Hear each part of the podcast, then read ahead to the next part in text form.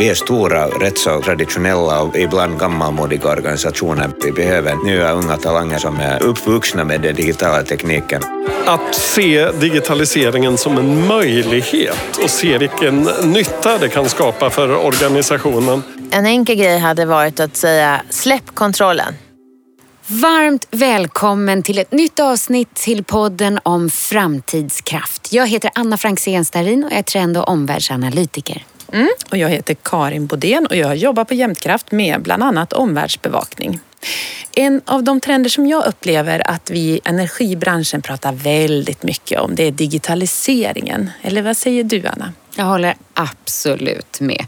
Och Visste du att flera studier säger att många, många företagsledare känner en digital ångest? Ja, det kan jag tänka mig. ja, men det är för att de känner att de inte hinner med och hänger med i den här digitala transformationen. Så vi tänkte helt sonika att vi dedikerar ett helt avsnitt till digitaliseringen för att mildra den digitala ångesten. Mm, det låter väl toppen. Och vi har tre spännande personer som verkligen kan det här med digitalisering med oss idag. Så jag tycker att vi bjuder in vår första gäst. Hej, jag heter Beata Wickbom. Jag har jobbat med digital innovation och digital tjänsteutveckling i 20 år. Idag jobbar jag främst som rådgivare till organisationer, företag och även ledare som vill förstå hur de ska lyckas med digital transformation. Om det så är av sitt eget ledarskap eller av en hel organisation. Jag har ju också varit med i Jämtkrafts innovationsråd och kommit med idéer. Toppen, jättebra. Hur tror du att digitaliseringen kommer att påverka framtiden för energibolag? Om man tittar på dem som företag så handlar det kanske om den enkla innovationen, nämligen att eh, försöka göra verksamheten lite smartare med hjälp av digitala verktyg. Förbättra intern kommunikation, förbättra kommunikation med, med kunder, fakturahantering, allt det där som är hygienfaktorer att klara av, men som faktiskt inte alla organisationer och företag och myndigheter klarar. Och sen så kommer vi till nästa steg som är att försöka utsätta så att säga, den egna verksamheten för ett digitalt raster och se hur kan vi på allvar ta större kliv? Hur kan vi utmana hela vårt sätt att skapa värde? Vem skapar värde i vårt system? Hur ser affärsmodellen ut? Vem kallar vi kund? Vad är kundens roll? Eh, måste alla vara anställda? Kan vi jobba i nätverk? Måste vi intressera oss bara för de som idag köper Eh, energi. Skulle man kunna tänka sig att man också tänkte hur man kan göra dem till medskapare av energi eller andra värden? Om inte vi ens fanns och det kom en ny aktör, en, en ny startup som, ja, om man tar det uttjatade exemplet Airbnb som ingen tyckte verkade vara så farliga i början. Eh, som har hittat ett nytt sätt att lösa boende både för turister och för affärsresenärer på. Så kunde ju traditionella hotell ha gjort en sån tjänst för länge, länge sedan. Jag ser en stor tendens i det här med att skapa samarbeten och samarbeten över gränser. Om du fick önska ett samarbete för företag i energibranschen, vilka typer av samarbeten skulle du vilja se, Beata? Jag skulle vilja att de inte visste hur de samarbetena såg ut på förhand för då pekar de i samma riktning ofta som de har tittat innan. Jag skulle vilja att de öppnade upp sina verksamheter och förtydligade vad det är för utmaningar de har. Och så skulle man våga släppa loss och använda sin egen verksamhet som en sorts testbädd och säga det här är vi, här har, de här resurserna har vi, de här människorna, de här processerna, de här kunderna. Eh, och det här är de utmaningar nu vi står inför. Och de ska ju vara kunddrivna, så att säga, de utmaningarna. Vad ser ni att ni skulle kunna bidra med innovation? Och genom att göra på det sättet så attraherar man ju aktörer som man kanske inte nödvändigtvis idag känner eller har relation till. Och den sortens öppen innovation, den kräver ju en insikt om vad man har behov av att få hjälp med. Den kräver ett mod att öppna upp och man kanske har jätteråddiga processer och skittaskiga system och liksom röra där innanför. Men det måste man ju göra. Och så måste man lita på att de här aktörerna eh, vill bygga någonting nytt eller skapa någonting nytt. Och så måste man hitta någon sorts valuta för det här engagemanget, samarbetet. Förutom det monetära. Vad bygger vi förtroendet på? Vad bygger vi engagemanget på? Vad bygger vi lusten att liksom hänga ihop med just de här på. Och det är inte många stora traditionella bolag som är vana att jobba med till exempel jättesmå, kanske två stycken utvecklare som sitter någonstans i världen. För jag skulle vilja säga att det här var globala sourcing-plattformar för idéer. Jag, tar, jag kan ta ett exempel som jag gillar. Jag älskar att titta vad General Electric gör. Och det är ett bolag som ju är ett hundraårigt bolag som är ett av världens största, GE. När de nu letar efter innovativa lösningar så har de tränat upp sig att tänka, okej, okay, vi börjar utanför egna organisationer. Vad finns det? Om vi börjar med de vi inte känner, vad finns det? Ja, vadå, hur kan ni hitta dem? Ja, men då går vi på olika typer av crowdsourcing-plattformar. Alltså plattformar där de som har idéer möter de som behöver idéer. Och då vet jag att de jobbade inom deras jetmotorverksamhet till exempel med en utmaning att få ner vikten på en liten komponent. En, en, en, en komponent som var, som var i metall och som var ihopskruvad av olika små delar. Och där är det ju alltid en utmaning när man bygger flygplan. Kan man få ner vikten? Så det här väger 2,8 kilo. Vi borde komma ner egentligen under 2 kilo med ganska stor förbättring. Jag vet inte om det är möjligt. Då sa någon i teamet, det skulle gå om vi 3D-printade. Då skulle vi kunna använda ett lättmetallpulver och vi skulle kunna slippa de här fogarna och så. Jaha, har vi det då? Nej men vi kan inte det själva. Och då istället för att ge upp och se det som en återvändsgränd så säger man men det kan väl inte vara så svårt att hitta. Och just det här, det kan väl inte vara så svårt att hitta någon. Det tror jag är en jätteviktig fråga, eller ett uppmaning till sig själv. Klart det måste finnas någon som kan.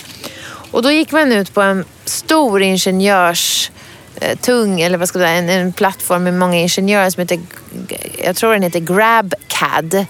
Och där finns nästan en miljon ingenjörer världen över. Och så la de ut och då kan man göra olika utmaningar, då, olika challenges. Så de och då, då prissätter man det där. Så att man säger om ni löser, om ni kommer ner under två kilo på vår, den här grejen så, eh, så får ni 7000 dollar.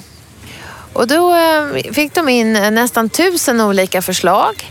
Och det bästa förslaget hade kommit ner i, eh, jag tror att det var, om jag minns rätt, 830 gram. Alltså radikal innovation. Och frågade vad var det för någon? Ja, men det var en ingenjörsstudent från Jakarta. När de gick upp då till vdn och sa det här att gud, vi har hittat ett jättebra sätt att förbättra den här lilla komponenten. Så, men, who's this guy? Ja, men we found him on the internet var ju svaret. Och, så, och, för, och det kostar dem 10 000 dollar. Och eh, det här tycker jag är någonting som jag skulle vilja uppmana energibranschen att göra. Att gå inte till de ni tror ni ska samarbeta med. Gå inte ens till dem ni vill samarbeta med. Beskriv era utmaningar och locka till er världens bästa innovatörer. Hur tror du, Beata, att etablerad industri kan lära utav startupbolag och vad kan de lära utav startupbolag? En av de viktigaste skillnaderna är ju hur snabbt man jobbar. Och då skulle jag säga att i startup så jobbar man snabbt för man är underfinansierade och eh, behöver snabbt komma fram till en eh, liten fungerande lösning, det vi kallar för MVP, en minimum viable product, för att kunna prova den på några kunder eller användare. För att kunna ta nästa steg, för att snabbt komma ut med någon produkt så att man kommer ett steg närmare intäkterna. Och jag tror att man ska vara väldigt, väldigt eh, snabb i stora bolag och lära sig att jobba mer agilt. Man borde börja direkt. Och då spelar det ingen roll om alla inte kan. Börja någonstans, börja med något och lär er. Och då menar jag att man skär så att säga, utmaningarna i mindre tårtbitar. Så att börja bara med en utmaning och så eh, jobbar man agilt och jobbar man i sprint om kanske två, tre, fyra, fem dagar. När man jobbar med en prototyp, kan vara papper och penna, kan vara liksom klippa, klistra, sätta händerna på tilltänkta användaren. Och då har man ju ett frö till någonting som man kan börja testa. Sen så kanske man har några andra idéer, några andra spår, så man gör en annan och så ställer man de där två lösningarna mot varann så att man, man ser det inte som misslyckande när man måste lägga, lägga ner den ena, utan man ser det bara som en del av eh, researchen. Och, och, och där har vi två saker. Det ena är att jobba snabbt och jobba agilt. Eh, det måste man börja göra. Och det andra är att eh, hitta ett sätt att eh, få få eh, våra medarbetare och chefer att våga experimentera. Och experimenterar man så kommer inte allting gå bra. Då kommer det bli vissa saker som läggs ner. Eller allting kommer gå bra men alla beslut eh, eh, eller alla lösningar kommer inte att leva vidare. För det är ju så per definition att om du, du, det är ju en sorts uteslutningsmetod. Så jag, att hitta ett språk och hitta en kultur som stödjer vid det vi kanske då kallar misslyckande. Men misslyckande är ju en, ett, det är ju svaret på att de, denna väg behöver vi inte gå. Tack för det, då vet vi det. Och jag kanske hit, hitta på en, en drullekod var det någon som hittade på idag. Eller klåparkod eller eh, kvot. Drullekvot tror jag kanske hette. Alltså där vi ska höja drullekvoten. Där vi ska höja och kanske till och med fira. Och då är det ju också det att vi kanske tycker så, men gud hur får man fram idéer? Men några idéer har ni väl? Och de blir ju egentligen inte till lösning förrän ni tar ut dem till användare. Så ni behöver inte vara så smarta. Låta användarna visa vägen. Och så är det ju väldigt karaktäristiskt att de flesta startups jobbar i ekosystem av medskapande aktörer. Och att de eh, inte har alla anställda. Och ska de anställa, då vet de att det krävs mycket för att locka topptalang. Så de tänker mycket på så här, hur ska vi vara en miljö där topptalang och toppkreatörer vill jobba? Det tror jag kanske är st stora traditionella bolags svåraste nöt att knäcka. De är så otroligt eh, eh lika och har så lite kring, utvecklat kring företagskultur och värderingar så de, man upplever liksom inte att det är attraktivt att komma och jobba på ett stort traditionellt bolag om man är en nytänkande person. Så det måste man jobba med. Många företag, stora företag skulle behöva någon sorts dating-app för att koppla ihop medarbetarna. Det är inte alla som vet vem alla är. Så hur ska man då kunna bygga nya team? Du har några idéer. Jättebra. Min sista fråga till dig är om, om du fick ge en uppmaning till ett företag i energibranschen på deras nästa styrelsemöte. Hur hade den uppmaningen låtit? Då tror jag att en enkel grej hade varit att säga släpp kontrollen. Och släpp kontrollen i alla lägen då. Om vi säger att eh, vi letar efter en samarbetspartner, släpp kontrollen. Säg att det måste inte finnas bland våra befintliga kända samarbetspartners. Släpp kontrollen vad det gäller att engagera personer i nya projekt. Måste inte vara anställda. Eh, låt dem, måste inte vara på din avdelning. Eh, släpp kontrollen vad det gäller liksom, kreativa ribban, vad man får och inte får göra. Så utgå istället från att de flesta vill lösa sin uppgift och utgå från att, och börja liksom curla och eh, undanröja hinder för dem istället för att ge instruktioner. Och släpp kontroller och lita på att medarbetarna kan, kan och vill ta egna initiativ. Tack så jättemycket Beata för att jag fick ta den här tiden tillsammans med dig. Tack själv. Lycka till energibolagen.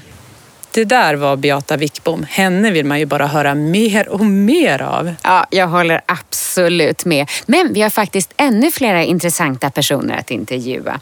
Och nu ska vi faktiskt få träffa en man som har gjort det till sin mission att förändra kulturen i energibranschen.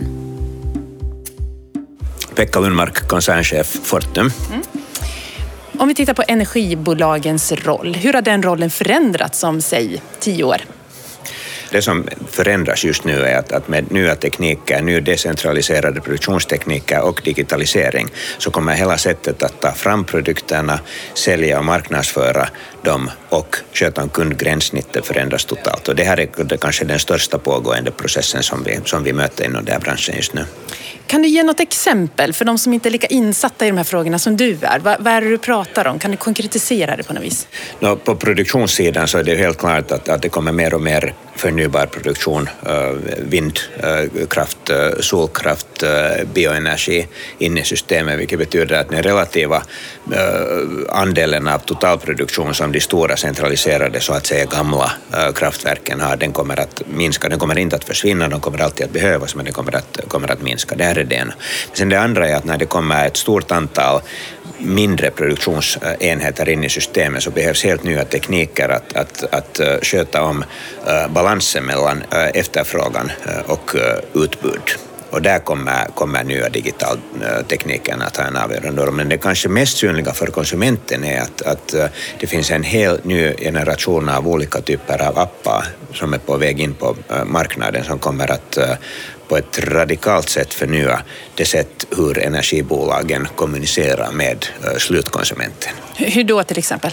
No, om, man nu, om jag nu eh, överdriver lite så, så, så ska jag säga så här att, att traditionellt så, så möter elbolaget kunden bara en gång i månaden när de skickar en faktura eller när indrivningsbolaget ringer och, och, och frågar varför kunden inte har betalat räkningen allt det här kommer att, att, äh, lite på samma sätt som med banker, kommer att skötas via, via äh, digitala äh, appar så att hela kommunikationen förhoppningsvis också i betydligt positivare anda än bara indrivning kommer att, kommer att skötas digitalt. Och förhoppningsvis så kommer den här branschen att uppfinna någonting där kunden har faktiskt en orsak att hela tiden titta och använda den där appen istället för att bara betala räkningen en gång i månaden.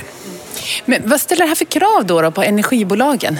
Det ställer stora kulturella krav faktiskt. Alltså vi, har ju, vi, är stora, rätt så eh, traditionella och ibland gammalmodiga organisationer. Vi behöver nya nya unga talanger i organisationen som är, som är eh, uppfödda och upp, upp, uppvuxna med den digitala, digitala tekniken, sådana som förstår den nya konsumenten, alltså de här 90-talisterna och de som är födda, som just nu kommer att komma in på ordentligt komma in på konsumtionsmarknaden, de har helt andra förväntningar än den tidigare, tidigare generationen om att, att hur de vill till exempel köpa saker och ting och hur de vill betala och hur de, vill, hur de blir behandlade av, av leverantörer. Och ni som ledare då, som kanske inte är så unga i energibranschen, vad tänker ni göra? Jo, alltså, det, det intressanta är att, att, att energibranschen ofta leds av, av, av medelålders män, män och det här gäller åtminstone alla de stora, stora elbolagen. För mig personligen så har det här med digitalisering av traditionella industrier har varit en personlig eh, passion. Jag var hela 90-talet på Nokia och nu har jag de senaste elva eh, åren eh, varit, varit chef för ett bolag som blev ledande inom digitalisering av verkstadsindustrin finska, finska Konecranes. Så nu har jag varit i Fortum sedan september i fjol och, och, och jag, ser, jag ser det här som, som kanske mitt största enskilda uppdrag nu att komma med en kulturell förändring inom det här bolaget så att vi faktiskt kan ta fram de här nya teknikerna och nya sätten att hantera kunder i framtiden. En härligt klingande lovsång för framtiden. Ja, och nu ska vi få träffa de där unga som Pekka pratar om. Evelina Robertsson heter jag och jag sitter i förbundsstyrelsen för Centerpartiets ungdomsförbund. Om jag har ett elbolag och du ska välja mig, vad ska jag erbjuda dig då? Jag skulle vilja att du erbjuder mig eh, miljövänlighet, förnybart, Eh, Eh, att man tänker långsiktigt på ett klimatsmart Sverige där vi, där vi når klimatmål. Det är viktigt för mig. Det är också viktigt att ni erbjuder valfrihet, att det finns eh, smarta lösningar som passar min vardag. Eh, att det finns en variation i det som ni, som ni erbjuder mig. Så att variation, förnybart, miljötänk. Det skulle jag vilja att ni erbjuder mig. Jag heter Ola Palmgren och jag är förbundsstyrelseledamot i SSU, Sveriges socialdemokratiska ungdomsförbund. Om jag har ett elbolag, vad ska jag erbjuda dig då för att du ska välja mig? Jag vill gärna ha eh, el som är producerad på ett miljövänligt och klimatneutralt sätt. Eh, men jag skulle också gärna vilja se elbolag som tar ett större samhällsansvar. Eh, som ser till att vi eh, har en jämn och bra elleverans i hela Sverige till exempel. För det är väldigt viktigt för att samhället ska kunna utvecklas. El, el är ju lite som, som blodet och elnätet som blodomloppet i samhället. Så vi behöver en bra säker elleverans också. Det tycker jag är viktigt. Och för dig personligen, vad var det som var viktigast? Eh, för mig personligen så är det att vi har klimatvänlig eh, och grön el. Jag heter eh, Josefin Temrell och jag är vice förbundsordförande för Liberala ungdomsförbundet. Om jag har ett elbolag och du ska välja mig, vad vill du att jag erbjuder dig då? För mig är det viktigt att en elleverantör är har klimatsmart el och Eh, jag eh, tror också att eh, det är viktigt för att människor generellt, alltså bland de olika miljö, lite ja, men klimatvänliga elleverantörerna, att man också då tänker på priset. Att det ska inte, inte vara för dyrt. Det är väldigt lätt att man ställer sig frågan, ja men skulle du kunna tänka dig att betala lite extra för att vara miljövänlig? Och det är ju egentligen en felställd fråga för det ska ju inte betala, det ska ju inte kosta mer att vara eh, miljövänlig utan det ska ju vara billigare. Att få höra ungdomsförbundens representanter, ja men inte det lite grann som att få blicka in i framtiden? Mm, den politiska framtiden känns onekligen ljus. Nu ska vi gå vidare i programmet. Jag heter Jan Gulliksen, är professor på KTH och ordförande i Digitaliseringskommissionen, bland annat. Och jag vill naturligtvis höra vad du tror. Hur kommer digitaliseringen att påverka energibranschen framöver? Oj! Den lilla nätta frågan. Lilla, den lilla nätta bran- Nej, men alltså, Vi vet ju redan idag att det kommer hända väldigt mycket saker när nu eh, energibranschen har möjliggjort att eh, man faktiskt kan börja producera egen el och sälja tillbaka el in i det här systemet. Så kommer ju sättet man använder sig av el kommer ju förändras eh, ganska, ganska kraftigt tror jag i det hela. Och det gäller att eh, energibranschen är med och möter de utmaningarna i de här sammanhangen och inte då håller fast vid sina gamla affärsmodeller utan ser digitaliseringen här som en möjlighet för att kunna komma på nya smarta sätt att göra det här. Och också jobba för det här stora, viktiga eh, målet om att skapa ett hållbart samhälle. Om du fick chansen att skicka en uppmaning till ett företags styrelse i energibranschen, hur skulle den uppmaningen låta? Att se digitaliseringen som en möjlighet och se vilka, vilken nytta det kan skapa för organisationen och också förstå att digitaliseringen är inte någonting som man ska lämna till sin IT-chef utan att det är faktiskt högste chefens ansvar att se till att det är någonting som hela organisationen kan adressera. Det ser jag fram emot att se hur det går. Jag tackar dig så jättemycket Gulan för att du tog dig tid. Tack! Ja, det här avsnittet har verkligen gett mig många uppslag på hur jag kan jobba med digital transformation. Så jag vill tacka våra inspiratörer, Gulan, Beata, Pekka och representanterna från ungdomsförbunden också såklart. Och framförallt tack för att du har varit med och lyssnat på oss idag. Tack!